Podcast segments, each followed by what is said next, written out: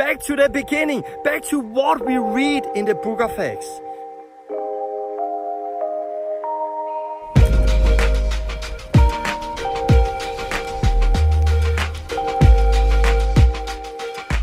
Back going place right now. In the name of Jesus, in the name of Jesus, in the name of Jesus, in the name of Jesus. Okay, I don't know if you feel something happen. Oh, wow, something happened. Verschillende van jullie hebben mij gevraagd om een filmpje op te nemen over de Last Reformation. Een beweging die momenteel wereldwijd actief is, oorspronkelijk afkomstig uit Denemarken. Maar waar er ook eh, behoorlijk wat leden van zijn in Nederland. Mensen die betrokken zijn bij deze beweging en uh, het gedachtegoed van deze beweging actief uitdragen. Het is misschien goed om vooraf te zeggen dat de Last Reformation niet zozeer een secte is, maar meer een beweging binnen het christendom. Met zowel goede als wat zorgelijke kanten.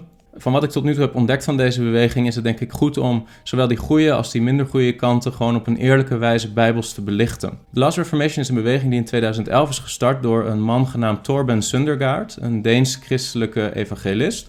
Uh, en die dus ook in Nederland behoorlijk wat volgelingen heeft. Dat kan je zien omdat deze beweging een website heeft. En daar hebben ze een kaartje staan met alle mensen die actief geassocieerd zijn met de Last Reformation. En die ook het gedachtegoed uh, uitdragen op een actieve manier. Uh, die worden weergegeven als groene stippen op die kaart. En als je kijkt naar Nederland, dan zie je dat er ook behoorlijk wat groene stippen in Nederland aanwezig zijn. Wie is Torben Sundergaard? Hij is geboren in 1976 in een niet-christelijk gezin. Vanuit zijn biografie begrijp ik dat hij als kind gedoopt is in de Lutherse Staatskerk van Denemarken. Maar dat hij eigenlijk vooral is opgegroeid in een gezin met een soort christelijk religieuze, traditionele uh, geloofsbeleving, maar waar geen levend geloof aanwezig was. Gedurende zijn tienerjaren raakte hij in toenemende mate teleurgesteld in deze vooral op traditie gebaseerde vorm van christelijk geloof. En uh, dat raakte in een stroomversnelling door de ziekte van zijn moeder. Hij raakte gefrustreerd geleidelijk aan in zijn tienerjaren over het leven. Hij was werkzaam als bakker en begon zichzelf de vraag te stellen: is dit echt alles wat er is? Vervolgens bad hij vanuit die frustratie op een heel directe uh, wijze tot God een gebed waarbij hij zei: Is dit alles wat er is, God? Hij uitte zijn frustratie richting God. Hij was op zoek naar iets echts en niet alleen maar iets religieus of traditioneels, wat hij tot dan toe altijd had meegekregen vanuit de Lutherse staatskerk. Uh, kort daarna, na dat bidden van dat gebed, kwam er een vriend op zijn pad die met hem sprak over God. En beschrijft Torben dat hij opnieuw werd geboren. Vervolgens heeft hij geprobeerd om God te dienen in verschillende kerken. Um, en dat liep eigenlijk steeds uit op teleurstellingen. Hij gaf aan, of hij geeft aan, terugkijkend op die jaren van zijn leven, dat hij weinig vrucht zag. Um, en ja, dat hij vooral steeds maar aanbotste tegen een vorm van uh, dood christendom. Uh, een soort traditionele kerkelijke geloofsbeleving, maar hij zag eigenlijk geen leven in de leden van de kerken waar hij actief diende. In het jaar 2000 was hij daar zo gefrustreerd door geraakt dat hij besloot een periode van 40 dagen te vasten. En dat heeft heel veel impact gehad op zijn leven. Hij ervoer nadien veel meer vrijheid over zonde. En in 2011 startte hij dus de beweging die we nu kennen als The Last Reformation, vertaald naar Nederlands, de laatste reformatie. Hij heeft in 2013 ook een boek geschreven en um, gepubliceerd met dezelfde titel. De naam The Last Reformation is eigenlijk een verwijzing naar de 16e eeuwse reformatie van onder andere Maarten Luther, waarbij Torben eigenlijk aangeeft dat hij gelooft dat die reformatie incompleet is geweest, dat Maarten Luther er niet in is geslaagd om de kerk terug te brengen bij het gemeenteleven wat we vinden in het boek Handelingen. En hij impliceert dan ook dat er sinds de Reformatie verschillende bewegingen zijn geweest die uh, stukjes van de waarheid hebben hersteld, zoals de Baptisten die de volwassendoop eigenlijk uh, opnieuw uh, erkenden. de Pinksterbeweging die de doop in de Heilige Geest als een fenomeen weer begon te erkennen. Uh, en hij geeft eigenlijk aan dat hij gelooft dat de Last Reformation de laatste reformatie is van de kerk. Dat is nogal een claim en daar zit ook meteen al een soort zorgelijk aspect in dat het een behoorlijk exclusivistische visie is op zijn eigen beweging. De kernboodschap van de Last Reformation is dat we moeten terugkeren naar het ware evangelie en naar de praktijken die we vinden in het boek Handelingen. Zij uh, houden het boek Handelingen aan als eigenlijk de gouden standaard voor hoe de gemeente van vandaag de dag eruit zou moeten zien. Wat deze beweging vandaag de dag doet, is onder andere dat ze een discipelschapsprogramma aanbieden via hun Pioneer Training School en dat ze ook een Pioneer Leadership School hebben. Uh, ze zijn actief bezig om hun theologische opvattingen en praktijken over te brengen op andere mensen. En um, ja, het gedachtegoed vanuit dat boek ook over te dragen naar christenen.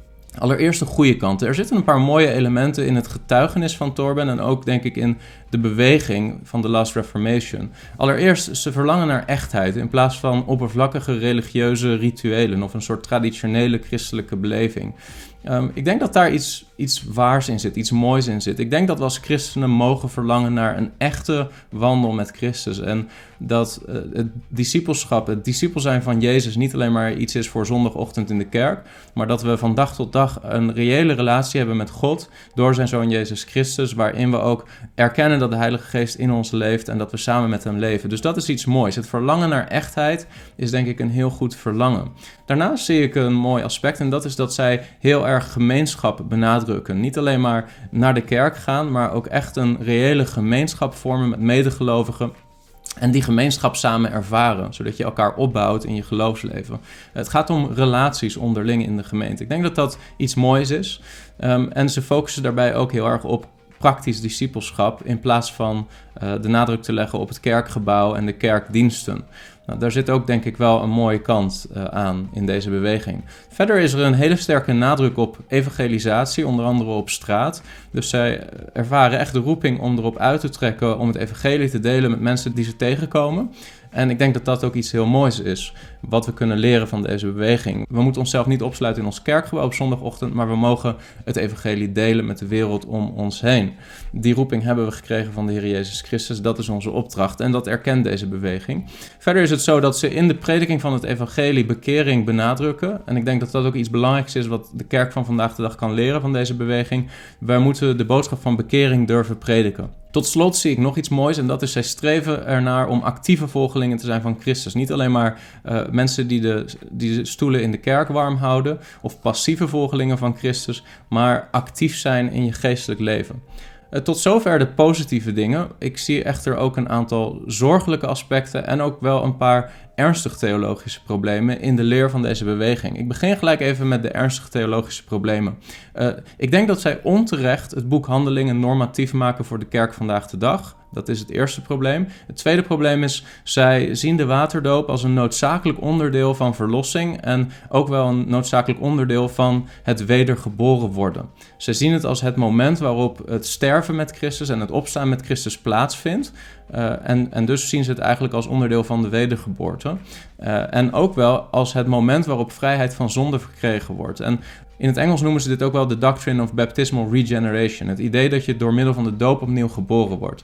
Dat is een onbijbelse leer en berust op een verkeerde interpretatie van een aantal Bijbelversen. Daar zullen we zo naar kijken. Wat betreft de zorgelijke aspecten die ik verder zie, is het zo dat zij het spreken in tongen als een teken zien van het ontvangen van de Heilige Geest. En ze er eigenlijk van uitgaan dat iedereen die gedoopt wordt met de Heilige Geest dat ook uit door te spreken in tongen. Ik denk dat dat een onbijbelse dwaling is. Daarnaast denk ik dat ze uh, genezing te belangrijk maken en te centraal zetten in de wandel met Christus. Ze zijn heel sterk bezig met andere mensen willen genezen door middel van gebed, uh, waarbij het haast een doel op zichzelf lijkt te zijn in hun geloofsbeleving om uh, te bidden voor mensen op straat en te bidden om genezing. Ik denk dat ze daarmee genezing uh, tot een plek hebben verheven die het bijbels gezien niet heeft. Verder uh, doen ze aan een praktijk genaamd kickstarting. Ze organiseren bijeenkomsten waarbij ze andere gelovigen of andere mensen willen kickstarten. Kickstarten is eigenlijk een term die betekent dat je als het ware een klap geeft op de motor om hem aan het draaien te brengen. Net zoals bijvoorbeeld met een uh, motor waarop je op de snelweg rijdt. Wat ze daarmee bedoelen is dat ze andere gelovigen willen klaarmaken om zelf ook genezingswonderen te doen, demonen uit te drijven, et cetera, et cetera. Uh, dus zij organiseren speciaal om dat voor elkaar te krijgen, dat soort events. Daarbij denk ik dat ze een overmatige nadruk leggen op het uitdrijven van demonen. Verder zie ik als een zorgelijk aspect dat het niet helemaal duidelijk is wat hun visie is op de lokale gemeente. Ze noemen zichzelf als beweging bewust geen kerk, maar wat zijn ze dan eigenlijk wel? Uh, waar gaan de leden van deze beweging zelf naar de kerk? Uh, onderwerpen ze zich aan bijbels gezag, aan bijbelse ouderlingen? Want ik denk dat het vrij duidelijk is vanuit Gods woord in 1 Timotheus hoofdstuk 3 en Titus hoofdstuk 1 dat een bijbelse gemeente geleid wordt door meerdere ouderlingen die ook bepaalde kwalificaties moeten hebben, die beschreven staan in Gods woord. Hoe ziet deze beweging de gemeente en diversen? Verder vind ik het zorgelijk dat deze beweging eigenlijk geen officiële geloofsbeleidenis heeft, anders dan het boek Handelingen. Ze zeggen gewoon: wij willen uh, het geloof beleven zoals het boek Handelingen ons dat voorschrijft. Maar daarmee weten we eigenlijk niet precies hoe ze kijken naar verschillende theologische thema's.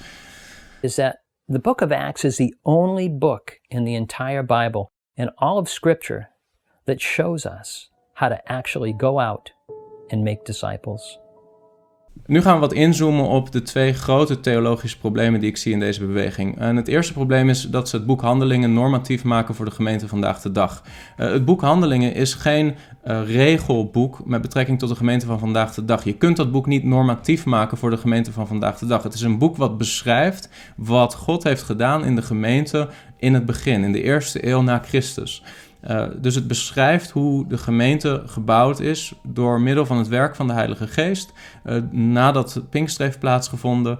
Uh, het beschrijft wat er is gebeurd. Het is niet zo dat het boek Handelingen het gebod is voor hoe de gemeente vandaag de dag zou moeten zijn. En dat is denk ik de belangrijke fout in de benadering van deze beweging.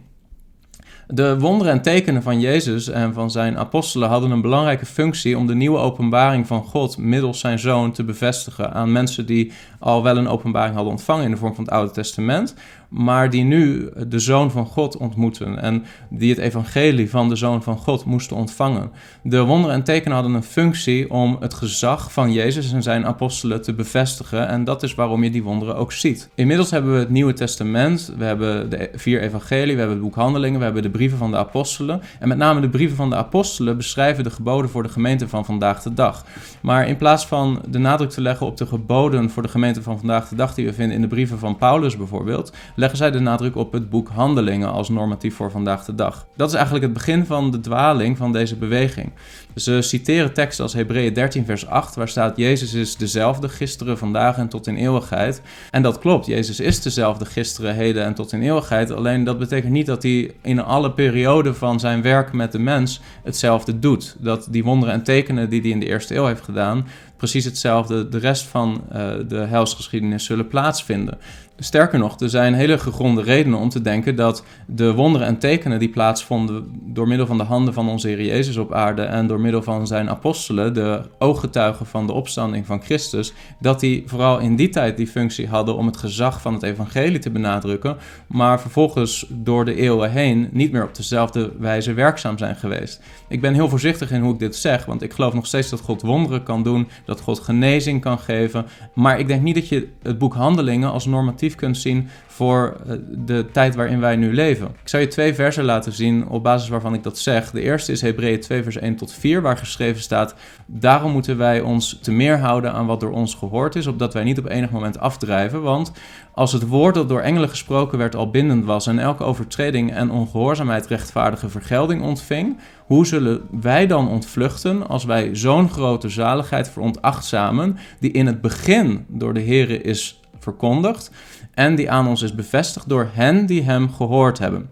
Het gaat heel duidelijk in vers 3 over de Heer Jezus zelf en zijn verkondiging en de bevestiging door degene die hem gehoord hebben, namelijk de apostelen, de eerste generatie gelovigen nadat de opstanding eh, van de Heer Jezus heeft plaatsgevonden. En dan staat in vers 4, God heeft er bovendien mede getuigenis aangegeven, en dat staat in de verleden tijdvorm, hij heeft er mede getuigenis aangegeven door tekenen, wonderen en allerlei krachten en gaven van de Heilige Geest overeenkomstig zijn wil. Dus wat de schrijver van de Hebreeënbrief zegt is dat God getuigenis heeft gegeven aan het evangelie wat gekomen is door de Heer Jezus Christus en wat gepredikt is door middel van zijn apostelen in de eerste eeuw, door middel van wonderen, tekenen, allerlei krachten, gaven van de Heilige Geest, overeenkomstig zijn wil. Maar hij schrijft in de verleden tijdsvorm, waarmee hij aangeeft dat die tekenen de functie hadden in die tijd om die boodschap en het gezag daarvan te bevestigen. Dat die tijd in de eerste eeuw, waarbij de Heer Jezus op aarde was en de apostelen op aarde waren, um, relevant was voor het leggen van het fundament van de gemeente, zie je ook wel terug in Efeze hoofdstuk 2, vers 19 tot 22. Daar staat geschreven: Zo bent u dan niet meer vreemdelingen en bijwoners, maar medeburgers van de heiligen en huisgenoten van God, gebouwd op het fundament van de apostelen en de profeten, waarvan Jezus Christus zelf de hoeksteen is. En op wie het hele gebouw goed samengevoegd verrijst tot een heilige tempel in de Here, op wie ook u mede gebouwd wordt tot een woning van God in de Heilige Geest. Dus wat je hier ziet is dat eh, de gemeente is gebouwd op het fundament van de apostelen en de profeten en Jezus Christus als hoeksteen. Dat fundament is gelegd in de eerste eeuw. Dat fundament wordt niet nogmaals opnieuw gelegd in de 20e eeuw. We hebben niet meer apostelen zoals de apostelen in de eerste eeuw, de twaalf apostelen. Uh, en we hebben op dezelfde wijze ook niet meer profeten die de nieuwtestamentische openbaring van God doorgaven. Uh, dat fundament is gelegd. We hebben inmiddels de nieuwtestamentische geschriften en die zijn gezaghebbend. En dat gezag is bevestigd door de tekenen en de wonderen die hebben plaatsgevonden in de eerste eeuw door middel van de handen van Christus en de apostelen. We hebben nu niet opnieuw mensen nodig die het gezag van het Nieuwe Testament opnieuw bevestigen door in het heden opnieuw dergelijke wonderen en tekenen te doen. Die wonderen en tekenen waren geen doel op zichzelf, die hadden een functie om de openbaring van God in het Nieuwe Testament te bevestigen. Het op zoek zijn naar wonderen en tekenen is eigenlijk iets wat ten sterkste wordt afgeraden door de Heer Jezus zelf. Matthäus 12, vers 38 tot 39, daar zegt hij: Toen antwoordden sommige van de schriftgeleerden en fariseeën: Meester, wij zouden van u een teken willen zien. Maar hij antwoordde en zei tegen hen: Een verdorven en overspelig geslacht verlangt een teken, maar het zal geen teken ontvangen dan het teken van Jona de profeet. Dus met andere woorden, wij leven nu niet in de tijd van het boek Handelingen. Het probleem van deze beweging is dat zij eigenlijk zeggen dat de dingen die gebeurden in het boek Handelingen nog steeds vandaag de dag zouden moeten gebeuren. Ook al is het fundament van de gemeente al gelegd en bevestigd door de wonderen en tekenen die hebben plaatsgevonden in de eerste eeuw. Het feit dat we nu niet leven in de tijd van het boek Handelingen wordt zelfs binnen deze beweging van de Last Reformation zichtbaar in het feit dat de wonderen en tekenen, de gebedsgenezingen die plaatsvinden, echt wel van een andere kwaliteit zijn dan wat we lezen in de evangelie, wat de Heer Jezus deed en wat er plaatsvond in het boek Handelingen door middel van de handen van de apostelen. Wat plaatsvindt in deze beweging, dat zijn meer subjectieve en ook wel natuurlijk verklaarbare genezingswonderen.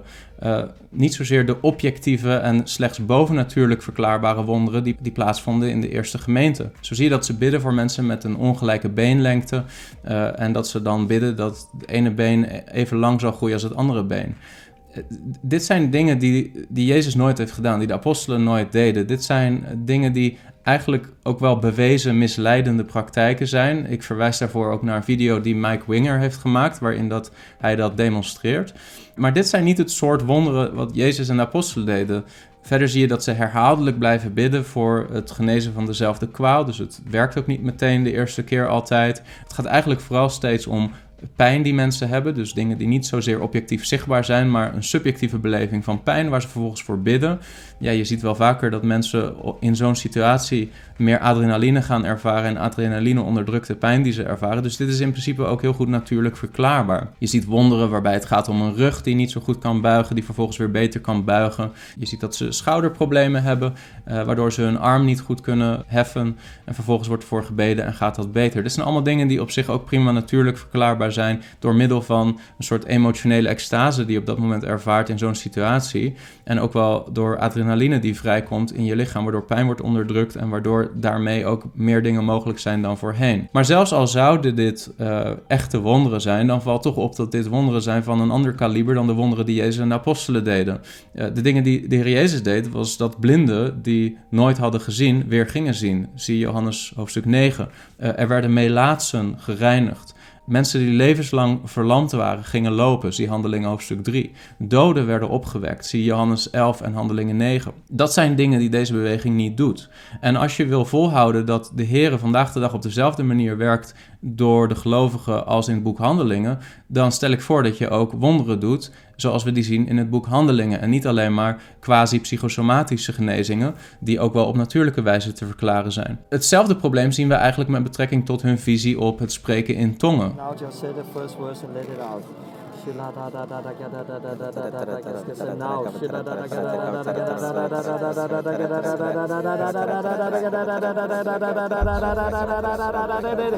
Holy Spirit freedom.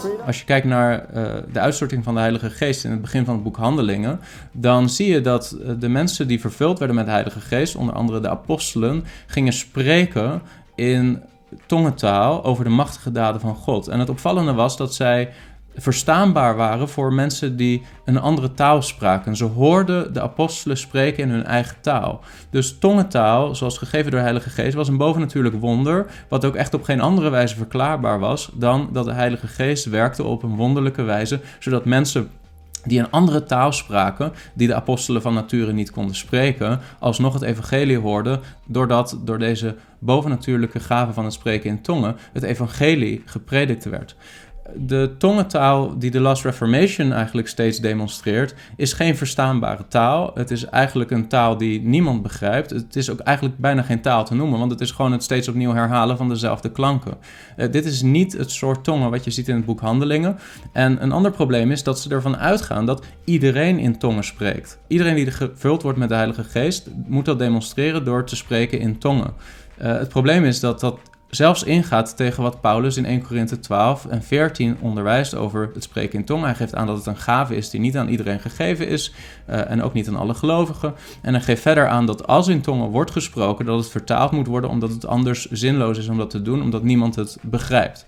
Uh, zij maken dit echter tot het hoofdkenmerk van het ontvangen van de Heilige Geest en dat is problematisch samenvattend, uh, de wonderen en tekenen die plaatsvonden door de handen van de Heer Jezus en zijn twaalf apostelen en de eerste generatie van christenen hadden de functie om de nieuwe openbaring die kwam door middel van het Nieuwe Testament te bevestigen. En diezelfde bevestiging vindt vandaag de dag niet meer plaats op dezelfde wijze. Dat betekent niet dat God niet meer geneest of dat hij niet meer wonderen kan geven, uh, maar hij doet dat niet meer op dezelfde manier als toen, omdat we nu in een andere situatie zitten waarbij het fundament van de gemeente al gelegd is en wij prediken dan ook de Nieuwtestamentische geschriften. Dan het tweede problematische aspect, en dat heeft te maken met de waterdoop. Deze beweging verheft eigenlijk de waterdoop tot iets wat veel groter is dan alleen maar een symbool van de wedergeboorte die al heeft plaatsgevonden in het leven van de gelovige door de prediking van het evangelie, door zijn bekering, door zijn geloof in Jezus Christus. Dit zie je ook terug in hun doopformule. hun doopformule is niet we dopen je in de naam van de Vader, Zoon en de Heilige Geest, we dopen je in de naam van Jezus. Nee, wat zij zeggen bij de doop is die with Jesus, live with Jesus. Dus sterf met Jezus en leef met Jezus. Die with Christ, all with Christ. Uh, dat is geen doopformule die we terugvinden in de Bijbel. En zelfs in het boek Handelingen worden mensen niet op die manier gedoopt. Dus dat is iets atypisch. Maar het heeft te maken met hun theologische visie op de doop. Want voor hen is de doop niet slechts een symbool, maar het is eigenlijk het moment waarop wedergeboorte plaatsvindt. Of in elk geval een belangrijk onderdeel van de wedergeboorte. Het is dan ook voor hun een essentieel onderdeel van verlossing. Ze geloven dat daadwerkelijk op het moment van de doop uh, zonden worden weggewassen en wedergeboorte plaatsvindt. En, en dat is een onbijbelse visie op de doop. Uh, ze onderbouwen dat met name door wat de Heer Jezus zegt in Johannes 3, vers 5, waar hij zegt tegen Nicodemus: Voorwaar, voorwaar, ik zeg u, als iemand niet geboren wordt uit water en geest, kan hij het koninkrijk van God niet binnengaan. Zij zeggen dus dat het water in dat vers, dat dat letterlijk gaat over water en dat dus wedergeboorte plaatsvindt door middel van de doop. Uh, dat is geen bijbelse visie op wedergeboorte. Uh, de Bijbel maakt heel duidelijk dat een mens wordt wedergeboren en gered wordt door geloof alleen, door middel van de prediking van het evangelie alleen. Dat blijkt onder andere uit Efeze 2, vers 8 en 9. Daar zegt Paulus, want uit genade bent u zalig geworden door het geloof en dat niet uit u, het is een gave van God. Niet uit werken opdat niemand zou roemen. Dus je wordt zalig door het geloof, niet door gedoopt te worden. En ook in de context van Johannes 3 zelf zie je dat het eigenlijk helemaal geen logische interpretatie is om te zeggen dat dat water en geest, dat het water daar gaat over letterlijk water. Eh, Jezus zegt in de context, vers 3, voorwaar, voorwaar, ik zeg u, als iemand niet opnieuw geboren wordt, kan hij het koninkrijk van God niet zien. Nicodemus zei tegen hem, hoe kan een mens geboren worden als hij oud is? Hij kan toch niet voor de tweede keer in de buik van zijn moeder ingaan en geboren worden? Jezus antwoordde, voorwaar, waar voor waar, ik zeg u, als iemand niet geboren wordt uit water en geest, kan hij het koninkrijk van God niet binnengaan.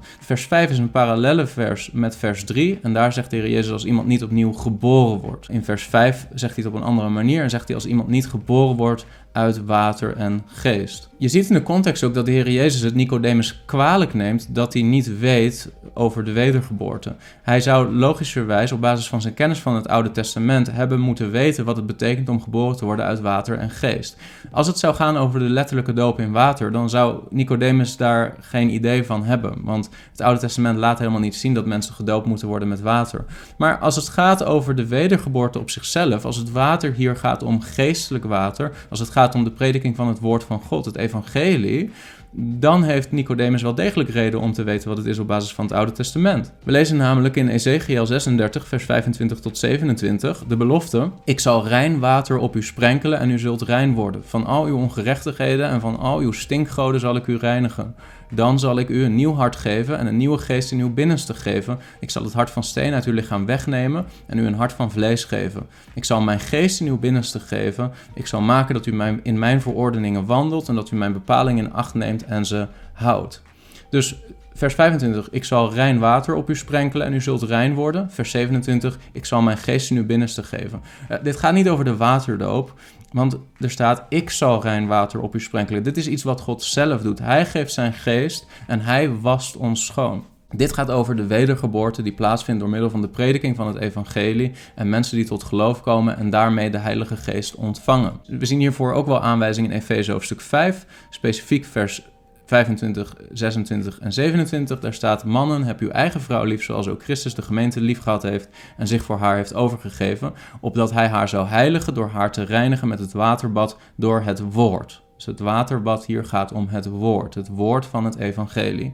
Vers 27, opdat hij haar in heerlijkheid voor zich zou plaatsen, een gemeente zonder smet of rimpel of iets dergelijks, maar dat zij heilig en smetteloos zou zijn. Het water waar het om gaat in Johannes hoofdstuk 3 is het water waar het ook om gaat in Johannes 4, vers 10, waar de Heer Jezus spreekt tot de vrouw bij de put en zegt, als u de gave van God kende en wist wie hij is, die tegen u zegt, geef mij te drinken, u zou het hem hebben gevraagd en hij zou u levend water gegeven hebben. Het gaat om dat levende water. Het gaat om het woord van God door middel van het evangelie. Een ander problematisch aspect is dat ze na de waterdoop ook meteen bidden om vervulling met de Heilige Geest. Alleen wat opvallend is, en dat wijkt ook weer volledig af van wat je zelfs in het boek Handelingen ziet, is dat ze dat doen door in tongen te bidden voor de persoon waar ze de handen op leggen. Uh, dit zie je nergens terug in het boek Handelingen en dit is dan ook geen bijbelse praktijk. Het is moeilijk om definitieve dingen te zeggen over hun theologie, omdat ze geen duidelijk geloofsbelijdenis hebben. Maar het is sowieso wel duidelijk dat ze een Arminiaanse visie hebben op uh, de verlossing van de zondaar. En ik denk dat ze daarmee eigenlijk al afwijken van wat de Bijbel leert. Dat is op zich niet iets wat betekent dat ze buiten het christelijk geloof staan, want er zijn wel meer christenen die Arminiaans zijn en niet Calvinistisch. Um, maar ik denk dat het in hun beweging wel extra problemen oplevert. En dat ze sterk geloven dat hun eigen redding afhankelijk is van hun eigen gehoorzaamheid, waardoor er ook veel onrust komt in jouw wandel met Christus. Verder is er nogal een nadruk op gevoelens. Er wordt voortdurend eigenlijk na gebed en na de doop gevraagd: How do you feel? Hoe voel je je? En ik denk niet dat dat een goede vraag is om te stellen. Het werk wat God doet heeft helemaal niet zoveel te maken met hoe jij je voelt, maar heeft veel meer te maken met wat God doet in het hart van de zondaar door zijn oude hart weg te nemen, hem een nieuw hart te geven, wedergeboorte te veroorzaken door de prediking van het evangelie en het werk van de Heilige Geest. En de doop is vervolgens een symbolische handeling die iets aantoont wat eigenlijk in geestelijke zin al gebeurd is. Dat is de Bijbelse visie op de doop en deze beweging wijkt daarvan af.